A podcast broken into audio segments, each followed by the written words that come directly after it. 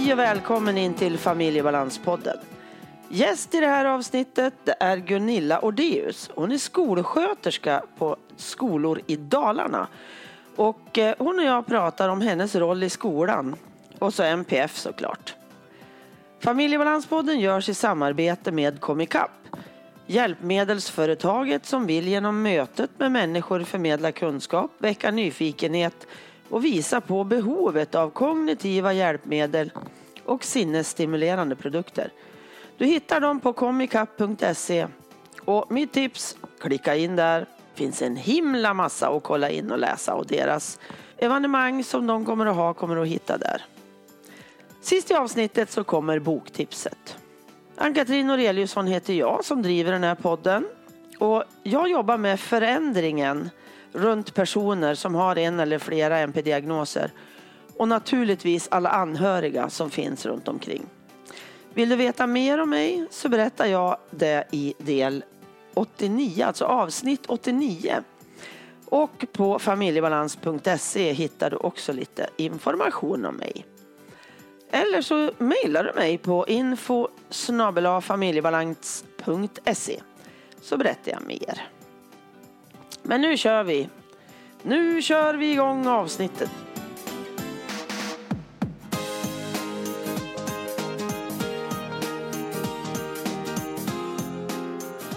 Hej Gunilla och välkommen till Familjebalanspodden.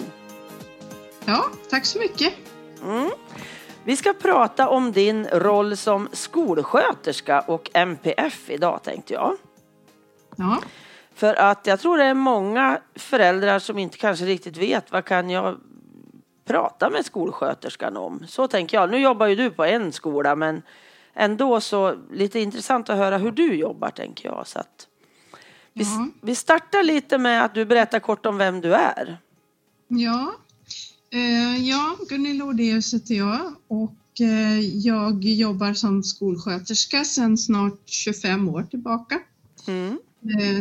Före det så jobbade jag 10 år på barnklinik så att eh, stor del av min yrkesverksamma tid har jag jo- jobbat med barn och ungdomar. Mm. Eh, Jag är också ordförande i Attention Dalarna och det har jag varit i 13 år.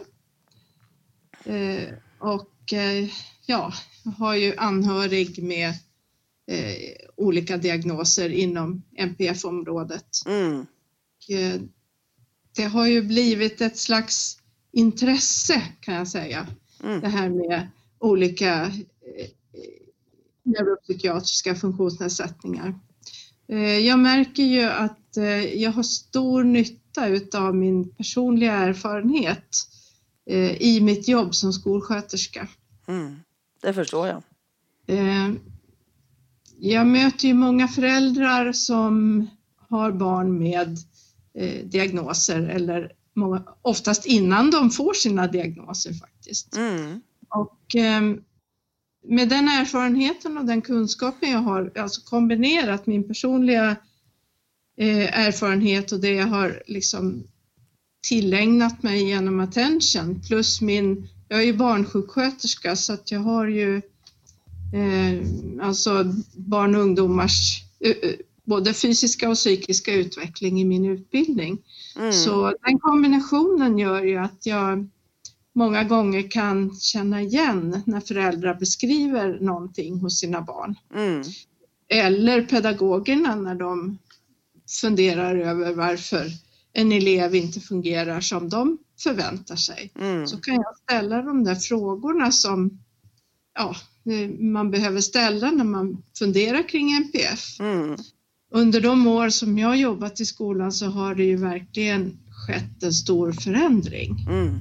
Sen är det ju väldigt olika på, ja, faktiskt på personplan, Ja. hur mycket Ja. kunskap som finns. Och sen ser det olika ut på olika skolor. Mm. Eh, Just nu jobbar jag på två olika skolor, en F till 6-skola och en 6 till 9-skola.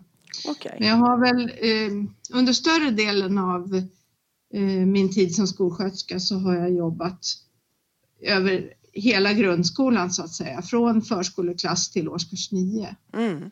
Jag möter ju barn och ungdomar i olika åldrar. Mm. Det är inte så sällan som det kommer eh, till och med yngre barn eh, och ungdomar till mig och säger att ah, jag tror att jag har ADHD. Okej. Ja, och, och då, då börjar vi tillsammans fundera runt, ja, men vad är det som gör att du tror det då? Mm. Och så får de beskriva själva. Och eh, oftast så har jag hört lite ifrån pedagogerna Mm. att, att det är någonting som inte stämmer runt det här barnet och så får man diskutera vidare och så. Eh, Det, sen ser det ju olika ut. Det händer Mm. också eh, att det kommer barn som säger att ja men du förstår jag är dum i huvudet. Jag kan inte det här som mina kompisar kan. Nej. Och det kan vara ganska små barn. Okej. Att, eh, Ja. Ja, det här med att faktiskt utreda och ta reda på vad det är som gör att de har det svårt, det är jätteviktigt. Mm. Tycker jag. Mm. jag brukar försöka stötta fram till eh, utredning. Mm. Eh, ibland är det ju så här att vi i skolan ser att det är ett barn som avviker på ett eller Mm. annat sätt. Mm. Vi ser att här, här tror vi att det är en, neuropsykiatrisk funktionsnedsättning av något slag. Vi ställer ju inga diagnoser men alltså vi möter ju tusentals barn genom åren så att Mm. man lär sig känna igen dem. Mm. Och jag tycker att pedagogerna är oftast väldigt duktiga på att se när något barn avviker. Mm.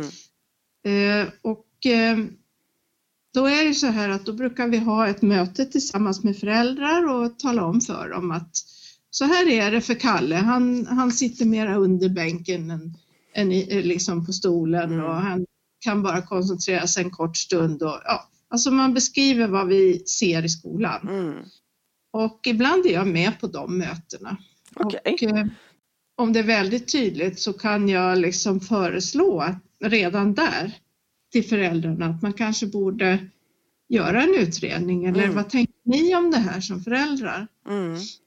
Sen är det ju så att när man då ska eh, påbörja en utredning mot MP-diagnoser så börjar man med att göra en pedagogisk kartläggning Mm.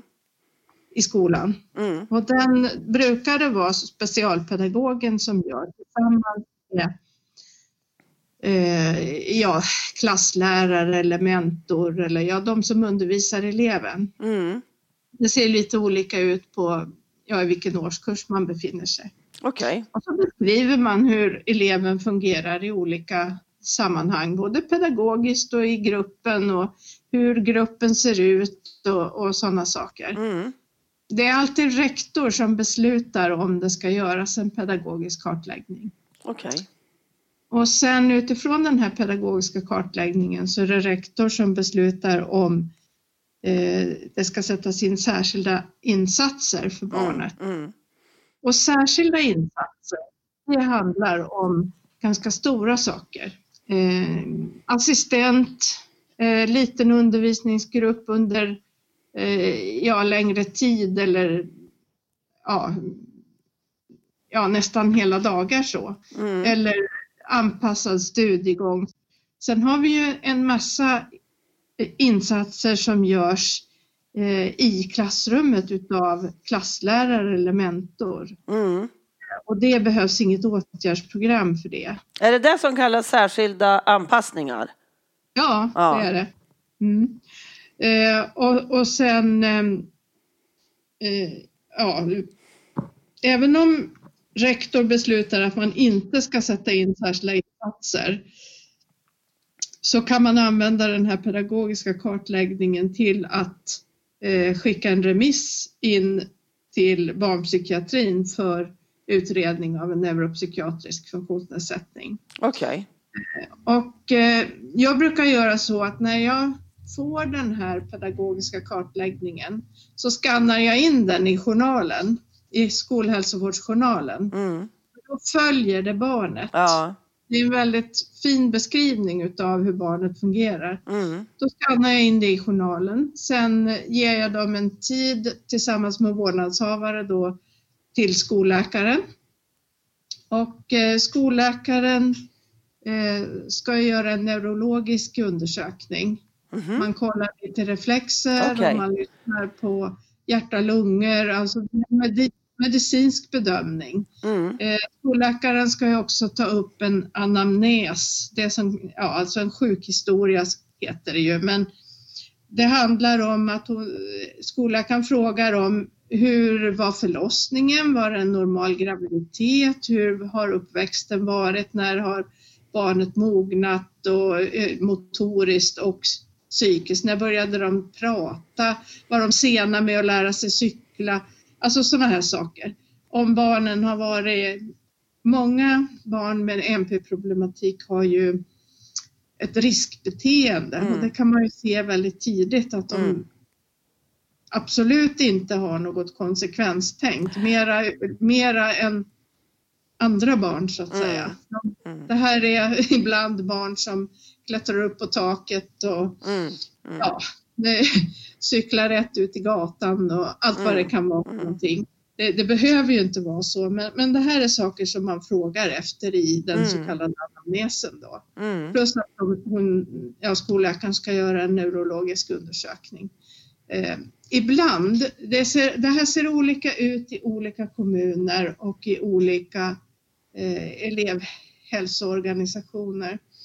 På, en del, alltså, det är så här att regionerna, eh, specialistvården, alltså barn och ungdomspsykiatrin, de kan inte begära att det ska finnas en psykologisk utredning med.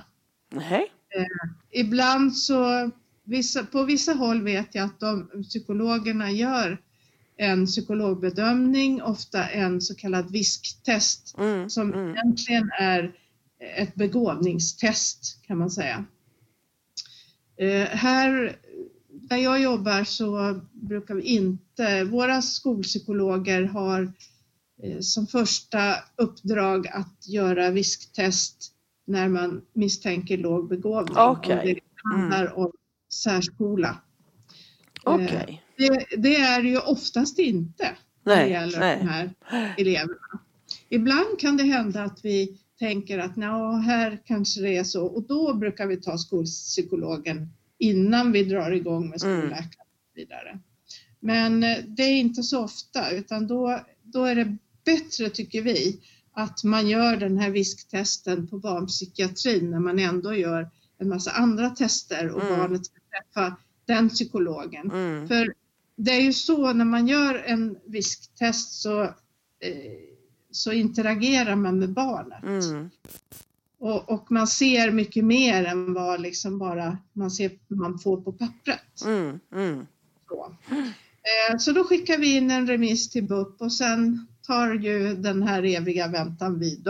Mm. Mm. Men vi uppmanar alltid, det har vi skyldighet att göra, sen ett tag tillbaka, att upplysa om att eh, eh, det finns en möjlighet att söka eh, ja, till sådana här företag som utreder. Mm. Mm. De, har- de har alltså rätt att få komma till eh, ja, företag. De Mm. kommer till barn och ungdomspsykiatrin på ett bedömningssamtal och när Mm. de där bedömer att jo men vi ska sätta upp det här barnet på väntelistan, då har föräldrarna rätt att söka sig till de utredningsföretag som regionen har avtal med. Mm.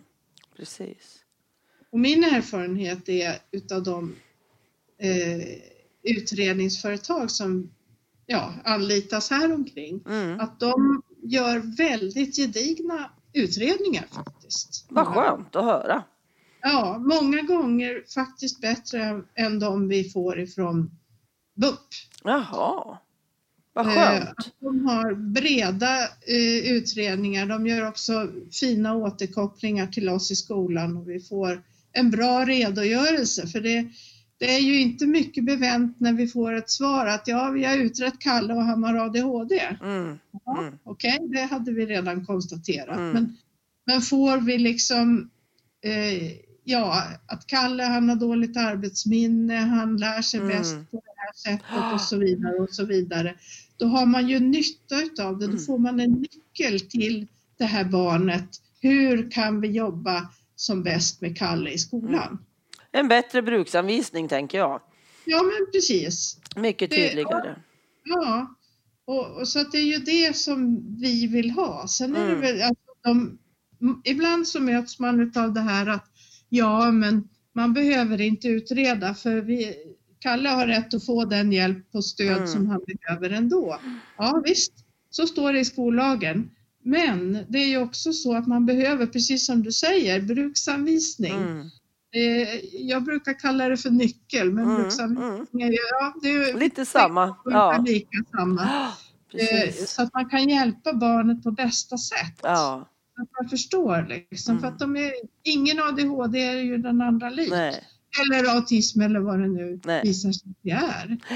Så att precis. det, sen eh, som skolsköterska så innan man skickar iväg så har ju vi, vi har ju rutinkontroller på syn och hörsel Mm. och sådana saker. Så Mm. att det, det ska ju finnas också med så att man eh, vet att det här barnet har fullgod hörsel och Mm. syn och sådana Mm. saker. Det är Precis. undersökt och klart. Mm. Eh, sen kan vi ju stötta, jag stöttar ofta föräldrar också som, som ringer och pratar och, och i och med att jag har egen erfarenhet så Mm. upplever jag att många tycker att det är skönt för jag förstår vad de pratar om. Mm. Eh, just det här om, om ja, med vredesutbrott för minsta krav och ja, allt vad det kan vara med, Mm. med barn och ungdomar med Mm. de här eh, funktionsnedsättningarna. Mm. Och, och det här med att, eh, att eh, få eh, särskild kost till exempel, det är också någonting som jag brukar vara med och stötta. Okej. Mm. Ja.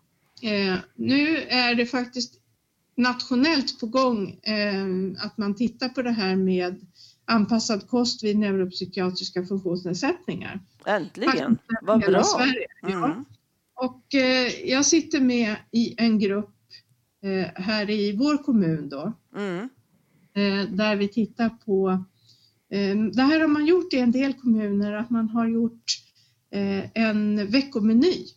Okej. Alltså man har en meny, då tittar man på vad, vad har vi för barn på den här skolan? Ja. Jo, vi har ja, att de äter köttbullar och makaroner och pannkaka och ja, vad det nu är. Mm. Alltså att man sätter en meny på fem dagar med sådana rätter som de flesta utav de här barnen äter. Mm. Och så har man det. Samma, Mm. varje måndag så är det köttbullar och makaroner och på torsdagen är det pannkaka Mm. och så vidare. Och man har sett då i andra kommuner, nu kör vi ett pilot här i min kommun då, Ja. eh, på två skolor och eh, ska då se om det här funkar.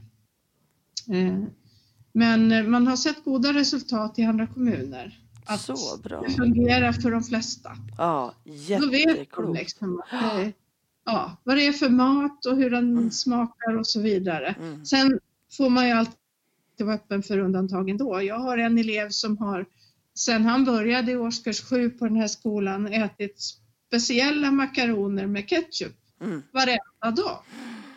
Mm. Och eh, ja, jag har faktiskt, eller om det är jag som har fått det, men eh, vi, ja, det, vi har fått dem att inse att det är bättre att de äter än att Mm. de inte gör. Ja, precis. Och att man inte, vi i skolan behöver ju kanske inte eh, se till att barnen äter utav allt utan Nej. huvudsaken att de får i sig mat. Mm.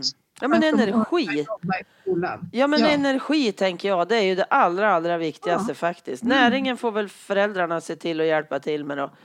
Och många, Ja. alltså många behöver ju näringsdryck för att ens få i sig någon energi. Det är ju så. Ja. För det är ju Sen jättevanligt med att Ja. jag kan äta köttbullar och makaroner i tre månader utan några problem som helst. Mm, ja. För att Visst det det, så. det är mycket skönare när det är lika. ja, när de vet. Ja. När det liksom, ja. Sen är det ju också det att många med ADHD-medicinering Mm. har ju jättesvårt att Mm. äta lunch överhuvudtaget. Mm. Eh, Så där ja, får man stötta och så. Sen eh, en uppgift som ofta blir för skolsköterskan när man väl har ställt diagnos och eh, kanske börjar medicinera, det är ju de här kontrollerna av puls och blodtryck. Det är ju någonting som jag ofta gör då, att kolla puls och blodtryck och, och eh, håller koll på längden och vikten, ja. särskilt vikten då. Mm. Och jag brukar alltid prata lite med dem och höra ja, hur tycker du att det går nu då? Går det bättre att koncentrera dig? Och, ja, lite så här. Och mm. det, ja, och sen, jag brukar ringa in och rapportera till BUP. De mm. har en telefonsvarare man kan rapportera till. Mm. Och det, ja, det kan man ha synpunkter på. Men ja, så fungerar det här ja, i alla fall. Precis. Ja. Och eh, ja. Men är det vanligt att, att jag det är föräldrar som ringer till dig. Du nämnde ju tidigare att ja. det händer. Men är det ja. ofta eller alltså är det särskilt många hos dig, tänker jag, att de känner till dig och vet din bakgrund? Eller hur tror du det är, liksom rent allmänt? Jag hade knappt tänkt på skolsköterskorna här hos oss då när vi utredde och så där. Ja, alltså det ser nog olika mm. ut. Eh, sen är det ju så att på mina skolor så hänvisar de till mig. Okej. Okay. Mm. ja. Och eh, ja, sen när jag hör, vi har ju konferenser när vi går igenom alla elever och vi eh, man ska ha på alla skolor elevhälsogrupper. Mm. Och där kommer ju de här barnen upp förr eller senare. Mm.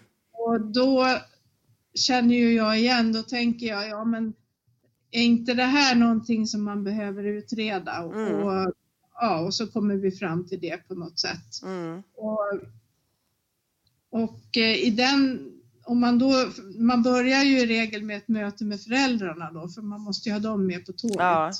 Ibland är det faktiskt en process, att föräldrar kan faktiskt vara kvar i det här att man ska inte stämpla barn och de ska Nej. få eh, rätt hjälp ändå och så vidare. Men men där kan jag vara behjälplig och, ja. och liksom, eh, stötta upp varför ska man utreda och hur, mm. liksom, ja, vad är det för bra med det då? Liksom. Mm. Då kan jag vara med redan från början i de här mötena. Mm. Då får man en kontakt.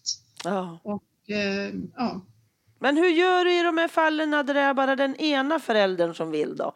För det hör, träffar ju jag på lite då och då mm. tycker jag. Ja. Ja, jo, det, det har vi lite då och då. Ja. Och eh, det är ju det är lite olika hur man löser det där kan jag säga. Mm. Eh, ibland har jag övertalningssamtal med den part som mm. kanske inte tycker. Det har hänt.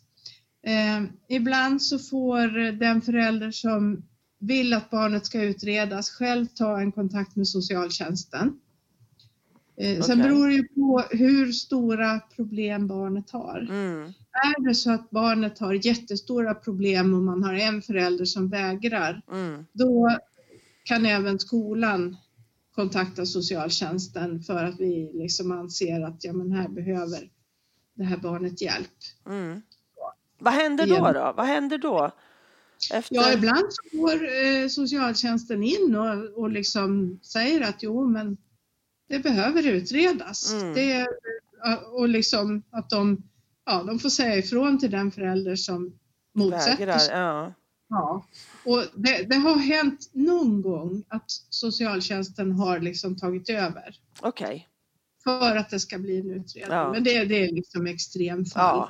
Ja. Mm. Men, men de, de, kan gå in och när vi, ja ofta så om det är en förälder som söker själv så får de stöttning i liksom mm. samtal med den andra parten och så mm. vidare. Mm. Eh, men när vi går in och liksom, ja, ja, säger ifrån, då blir det ju ännu starkare liksom så. Mm. Så att det, det brukar ordna sig, men det, mm. kan, det är lite mer trixigt och det tar mm. ännu mm. lite längre tid. Så är det. Hur långa väntetider är det på utredning hos er?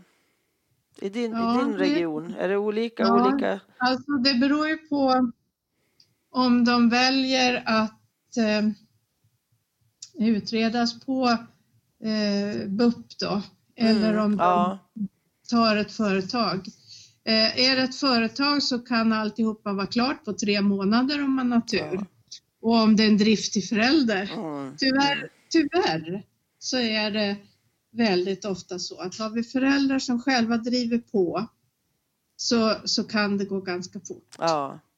Sen är det sedan några år tillbaka sagt så här att eh, eh, barn upp till sex år där man misstänker autism, de ska utredas på habiliteringen. Okej. Barn över sex år, där ska samtliga remitteras till BUP. Eh, och sedan några år tillbaka så är det sagt så på BUP i Dalarna. Det finns någonting här som heter Kunskapscenter neuropsykiatri som Okej. är ett eh, stödcenter för de olika barnpsykmottagningarna i länet. Och eh, sen, ja, alltså vi har upplevt att eh, på BUP eh, mottagningarna så är de inte jättebra på autism. Nej, precis. Och det har man tagit till sig. Okej, vad bra. Och, eh, så nu när det är även misstanke mot autism, då utreder man på det här eh, Kunskapscenter neuropsykiatri. Mm. Eh, KCNP kallas det. Okej. Jag har äntligen lyckats lära mig bokstavskombinationen. Mm. Ja, eh, och, och där är det rätt långa väntetider faktiskt, tyvärr. Upp till ett år. Så att, eh, ja, men de gör också väldigt bra kompetenta utredningar Mm. som, som känns väldigt gedigna. Okej, härligt. Så att, eh, ibland kan det ju vara värt att vänta på en sån utredning. Mm. Mm. Precis. Här i länet här då, Gävleborg, där är det ju diskussioner, eller diskussioner, de har väl börjat infört det, för det har ju varit så extremt långa köer. De vill ju Ja. korta köerna och då lägger man in mer resurser före, på alltså förebyggande. Man jobbar mer med föräldrarna och sådär, att man får ändå komma till BUP och få stöd. Ja, Men- är det det som kallas bryggan? Ja, ja, det kanske det är, men det här är ju mer här uppåt mig då, i Söderhamn, Ja, men Hudik. alltså, jag, eh, jag hade nämligen en elev ifrån Gävle. Okej. Eller ja, någonstans. Ja, Ja. Jo, men det var nog Gävle. Mm. Och då pratade jag med en sjuksköterska som jobbade på det här och hon beskrev det för mig. Det lät väldigt bra. Ja. För jag, ja, Mm. jag har ju en, en, en nära som jobbar inom BUP som eh, blir jätteroligt och intre, intressant att diskutera med hur de tänker och hur, det, hur de går framåt och sådär. Ja. Och det är eh, vad jag förstår, för, för först var jag väldigt emot det där. Jag tänkte det är klart att alla måste få utredning. Men grejen är ju att alla måste få hjälp på ett Ja. eller annat sätt. Och alla kanske inte måste ha en utredning heller. För det var inte kanske NPF heller. Utan Nej. det blir mer saker som behöver redas ut innan man går Mm. mot utredningen. Så jag var väldigt emot det här allra, allra Mm. först. Men sen när jag har fått liksom tänkt på det så att det är ju bättre att folk får hjälp från början, alltså direkt. För är man är ju fullständig kris under Ja. tiden man går och väntar på den här utredningen. Ja, Då precis. behöver jag ju liksom stödet på hela vägen Ja. där. Man kan ju säga så här att det finns ju mera ja, stöd och hjälp och allmänt liksom eh, hur man ska bemöta, hur man ska tänka och så Precis. vidare som gäller Ja, alla barn. Mm. Men, men sen tänker jag att man behöver bruksanvisningen Absolut. till varje, varje unge och då Ja. behöver man utreda. ja, för är det så stora svårigheter, för allting kanske inte har, är de stora svårigheterna tänker jag. Om man Nej. får jobba i hela familjen och förstå Mm. vad handlar det om, det kanske inte är NPF. Utan Nej. att vi skiljer det lite innan så att inte Mm. den här urskiljningen kommer inte förrän vid utredningen. Men Utan, då behöver det vara tillräckligt kunniga personer. Absolut. Vi möter ju ibland och det, det är fruktansvärt frustrerande ska jag säga. Det kan ju Mm. vara så att vi har ett barn som vi har Ja, vi har jobbat mot föräldrarna under en längre tid mm, för att de ska våga ta steget till en utredning. mm, Och så, så skickar vi remissen och så Alltså vi ser i skolan, det är det jag säger, vi ser så många Mm. barn så, Mm. så det är oerhört sällan vi ser och skickar remisser på barn som det inte är Nej. någonting på. Det är liksom under alla de här åren så är det någon enstaka. Eh, men eh, då kan det vara så att de kommer till en person som ska göra ett bedömningssamtal eh, på BUP som träffar barnet och familjen ja, en ganska kort stund, kanske 45 minuter, en timme och på Mm. den korta tiden eh, talar om att nej, men det är inget neuropsykiatriskt här. Nej. Och då blir man bara förtvivlad. Ja, De såklart. Allra, de allra, allra flesta barn, tack och lov inte alla. En del de går ju bärsärk inne på BUP också. Ja. Men, eh, men eh, de allra flesta barn klarar av att hålla ihop Ja. den där korta stunden. Ja. Med en ny vuxen människa eller kanske två vuxna Mm. som de sitter med och föräldrarna är med och så vidare och visar inte upp några symptom. Nej. Eh, Så att, och då behöver man kunna ställa de rätta frågorna. Mm. Jag tycker att det handlar väldigt mycket om att ställa de rätta frågorna. Mm. Att, man själv har en gedigen kunskap Ja. i de här funktionsnedsättningarna. För att då kan man liksom läsa bakom. Jag tycker att många gånger så när jag pratar med föräldrar och, och så här och man misstänker så, så märker jag att de har anpassat otroligt mycket i sin familj Mm. utan att de överhuvudtaget är medvetna om det. Och det Nej. handlar ju om att det går inte att leva med ett barn med de, den här problematiken utan att man anpassar. Nej. Nej, men så är För att det. de har liksom inte märkt det själva. Nej. Nej, vi har inte anpassat något. Nej, men så frågar man liksom lite runt sådär och då märker man att ja, men det där är ju faktiskt en anpassning. Ja. Men Eh, man sitter ju med det liksom hela tiden, eller man har ju det med sig hela tiden. Mm, Och har man då förmågan att förändra lite saker så är det klart att man anpassar, så är det ju. ja. Utan jo, men att de man flesta det. föräldrar till barn med de här, den här problematiken har ju liksom insett att det, de här barnen måste vara, de är ofta väldigt motivationsstyrda. Det Mm. går inte att tvinga dem till saker. Nej. Utan de måste vara motiverade till det de ska göra. Och, och är man då lite listig så, så försöker man att få barnet själv att tro att det är barnet som har hittat på Mm. att man ska göra det eller det. Man väljer sina strider Ja. som förälder, Ja. för annars blir det ogörligt. Ja. Då är det strider dygnet runt annars. Ja, så. nej, men visst. Och det finns ingen som orkar med. Och, och det har ju de allra flesta föräldrar redan gjort in, långt innan Ja. det blir tal om en utredning. ja, men absolut. Du har helt rätt. Helt Så rätt. att, eh, ja. Mm. men, men sen är det väl väldigt olika hur insatta skolsköterskor är i den här problematiken. Absolut, så är det ju. Det är, Ja. det är en klar fördel att ha det själv i familjen, så är det ju. För det Ja. ger ju en annan tyngd i det, även om jag har min utbildning. Så Mm, ger det mm. något extra när vi, när vi Mm. lever med det själv, så är det ju. Ja. Absolut. Ja, det finns en grupp som heter Sveriges skolsköterskor på Facebook. Okej. Ja, och där brukar jag dela precis allt runt MP-problematik. De, en del är nog trötta på. Nej. Ja, men exakt. Nej, men det är jätteviktigt att vi delar, tänker jag. Ja, och, och det, det kan ju vara både det ena och det andra, men, men att eh, det finns ju väldigt mycket bra artiklar faktiskt också som kommer eh, både ifrån Attention och, och Mm. det här Gillbergs Mm. eh, kommer ju mycket och Mm. Svenny Kopp och Mm. allt sånt här. Det skickar jag dit direkt. Jo, men du är väldigt flitig och lägger i Attention Dalarna också. Ja, jo, jag brukar dela både där och med skolsköterskorna. Jo, men det är jättebra, för det är väldigt bra artiklar, tänker jag. Ja, Så. sen är det ju så här att jag hinner ju inte läsa alla, så ibland har jag fått kritik och frågor om ja, men hur Ah. vetenskapligt är det där och så vidare. Och Ja. då svarar jag att eh, jag anser att alla ja, är kapabla att avgöra det själva genom Mm. källkritik. Mm. Eh, jag sorterar liksom inte. Nej. Ibland kan jag kommentera någon, någon artikel så som jag har läst och som jag tycker är bra eller liksom Ja. så att men läs det här eller det här är bra eller så. Precis. Men de flesta har jag kanske inte studerat jättenoga. Nej, då Att, får man eh, sortera själv.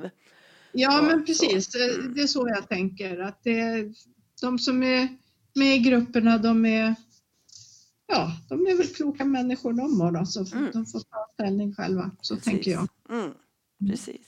Men jag tänker på om man, om man passerar förbi MPF och går mot ren psykisk ohälsa där det inte finns MPF. Hur mycket Mm. ser du av det i skolan? Hur mycket liksom, Mycket, ja det är så. mycket, Ja. mycket.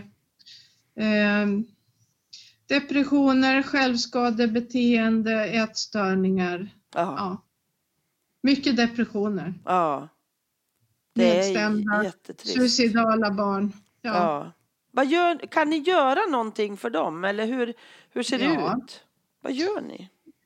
Ja, alltså periodvis så har jag ju barn som jag träffar regelbundet med Mm. stöttande samtal. Mm. Skolhälsovården eller elevhälsan överhuvudtaget har ju ingen behandlande, vi har inget behandlande uppdrag. Nej.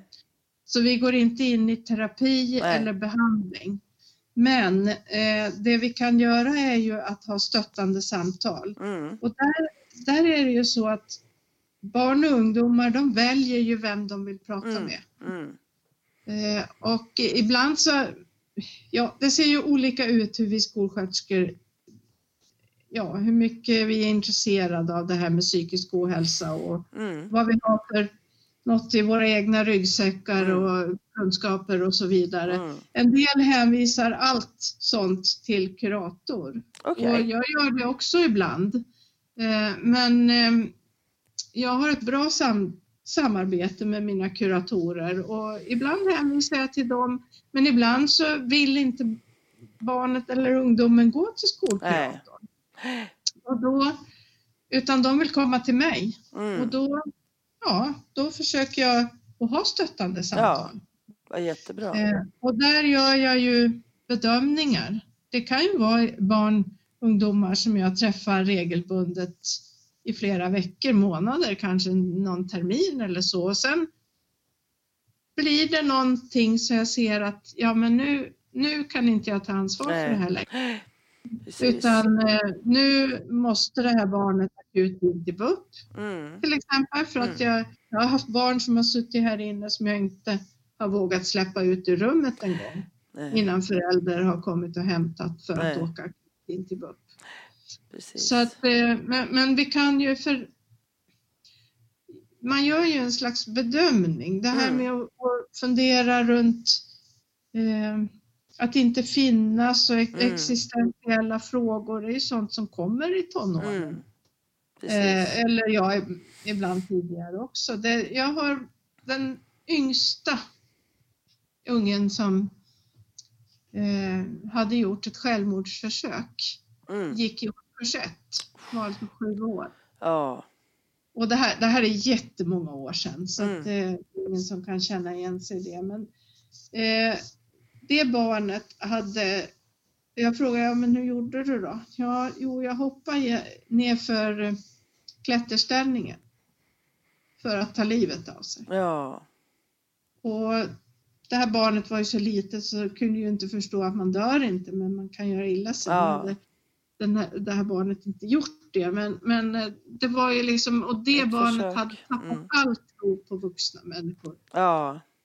Ja. Så att det, det förekommer ju redan tidigt men man måste visa barnen att man är mottaglig. Att Ja. man, jag är beredd att lyssna och jag blir inte jätteförskräckt om du berättar det här för mig. Nej. Precis. Och sen så får man ju resonera med barnen. Det, det är inte så ovanligt att de inte har berättat någonting för sina föräldrar. Nej. Eh, för barn är ju så att de skyddar sina Mm. föräldrar. Precis. Omedvetet eller medvetet. Mm. Det finns båda varianter. Att de inte talar om. Jag har ringt hem till föräldrar och, och berättat att eh, deras barn är, är suicidala. Eh, och de har inte haft en aning. Och, och det betyder ju inte att det är dåliga föräldrar, absolut inte. Nej. Utan föräldrar som stöttar och blir väldigt bestörta och genast kommer och, och tar sina barn och ja, tar kontakt med BUP och så Mm. vidare. Så det, men eh, stöttande samtal, det kan både jag och kurator ha. Mm. Och sen är det nog lite olika. En del skolsköterskor anser att det är kuratorns bord. Mm. Vi är olika. Ja, Och sen beror det ju på vad man har för tid. Naturligtvis. ja, precis. Men det är Mm. viktigt för barnen att kunna välja vilken vuxen de vill Ja, men prata med. absolut. Ja, jätteviktigt. Verkligen. Och det, det här med ätstörningar, det, det samarbetar kurator. Eh, där har vi en överenskommelse att om de kommer liksom, eller ibland är det ju kompisar som kommer och säger att vi tycker att Lisa har gått ner i vikt och att hon Mm. äter så dåligt. är. Och, och så kanske barnet kommer till kuratorn och då brukar hon då är det ganska enkelt att ta med barnet till mig. Då säger hon, ja men nu går vi till, till Gunilla och så får hon kolla en vikt. Mm. Då ser jag på en gång. Eftersom jag har kurvor och sånt Ja, där. men exakt. Då ser jag på en gång. eh, Mm. Liksom om det för eh, om, om det är en utvecklad ätstörning så kan ju det gå ganska fort. Mm. Det kan också bli faktiskt livshotande. Mm. Och då har jag lite mera verktyg där då att se, ja men du har ju faktiskt tappat så här mycket och det här måste man göra någonting åt. Ja. Och så kan vi tillsammans kontakta föräldrar och så vidare. Mm. Precis. Så att eh, ja, det ser lite olika ut Mm. men eh, vi ser det ju. En jag viktig tror- roll har du ju. Alltså sk- skolsköterskan har ju en oerhört viktig roll tycker jag. Fast ni Ja. jobbar ganska dolt. Ja, Det är ju vi. ingen synlig roll i, som jag ser det liksom. Nej, tyvärr. Men eh, Mm. jag tror att vi blir mer och mer synliga. Mm. Självskadebeteende är också något som vi ser. Mm. Jag tycker att det går i perioder. Vissa terminer så har vi jättemånga som skär sig både här och där. Mm. Jag brukar alltid vara ganska rak. När jag misstänker Mm. eller när jag ser så frågar jag, får jag se? Och det brukar de visa helt Mm. enkelt. Och, och sen är ju då, ja, vet dina föräldrar om det här? Eller har du visat det här för någon annan? Mm. Och det kan ju vara olika. Ibland så kan det vara ganska långt gånget och de föräldrarna vet ingenting. Sen har ju jag faktiskt sekretess, jag har tystnadsplikt gentemot föräldrar. Mm. Så här är ju ett arbete att bearbeta eleverna då. Mm. Exakt. Mm. Men eh, att göra skolsköterskan synlig är ju också, nu håller vi på, eh, nu ska vi se, det är Dalarna, Värmland och Örebro län. Jag vet inte om det är någon mer, men vi har samma hälsoenkäter. Mhm. Eh, och de här är gjorda likadana då för att man ska kunna jämföra över skolor, över kommuner, Mm. liksom olika hälsotillstånd och hur Mm. det ser ut över tid. Eh, Och det här tror jag är ett bra sätt att få fram statistik och eh, visa på vad vi faktiskt gör. Absolut. Vi sitter ju inne på väldigt mycket information Mm. om, varje, om varje barn. Precis. Från födsel till, ja, att sluta gymnasieskolan. Precis. Eh, och, och inte bara längd och vikt då. Sen är det ju, vi är ju specialister så att eh, vem som helst kan ju väga och mäta men vem som helst kan inte göra en bedömning om vad det är jag får fram. Nej. Eh, men där är ju vi skolade liksom Ja. På att hitta både fysiska och psykiska Mm. eh, ja, saker. Så att, eh, ja. Men eh, när vi får fram statistik om, eh, ja vi frågar ju om sömn och matvanor Mm. och träningsvanor och hela alltihopa det här, vad de har för självkänsla och Ja. sådana här saker.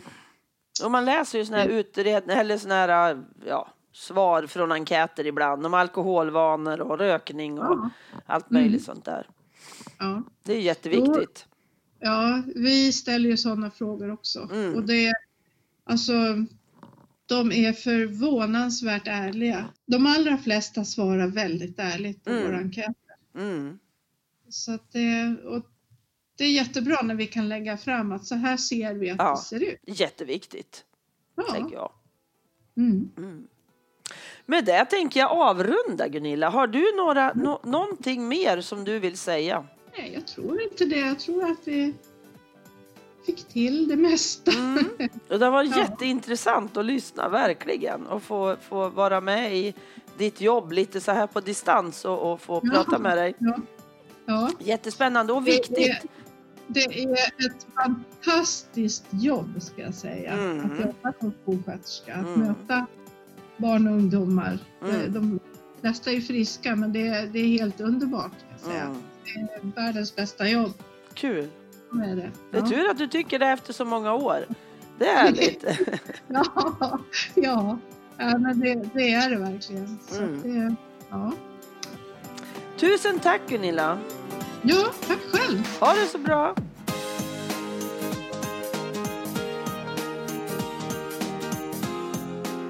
Boktipset.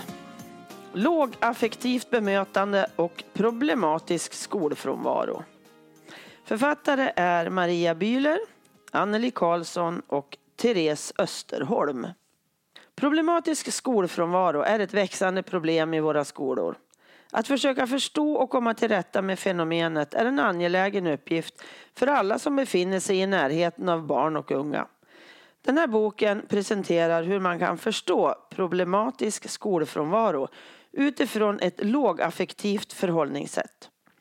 Lågaffektivt bemötande och problematisk skolfrånvaro utgår från att det är förhållningssättet och miljön runt eleverna som behöver förändras för att främja skolnärvaro. I boken ges alternativa förklaringsmodeller till vad som kan ligga bakom problematisk skolfrånvaro. Därefter presenteras hur man praktiskt kan arbeta lågaffektivt och förebyggande med kartläggningar och handlingsplaner. I bokens avslutande del ges många konkreta verktyg och tips på hur man i skolan kan arbeta för att göra skolan tillgänglig för alla. Boken riktar sig till alla som arbetar inom skolan. Den riktar sig även till vårdnadshavare som vill lära sig mer om problematisk skolfrånvaro. Boken lämpar sig väl för lärar och psykologutbildningen. Den är även användbar på utbildningar för specialpedagoger och rektorer. Tack för att du lyssnat. Tack till Pelle Zetterberg för musiken, till Pernilla Wahlman som fotade, Marcus som fixade poddloggan och till Anders för att du redigerar mitt prat. Och tack till Comicap för samarbetet. Och tusen tack till dig som går in och skriver recensioner på Familjebalanspoddens Facebook-sida. Sånt gör mig jätteglad. Hoppas vi hörs igen. Hej då!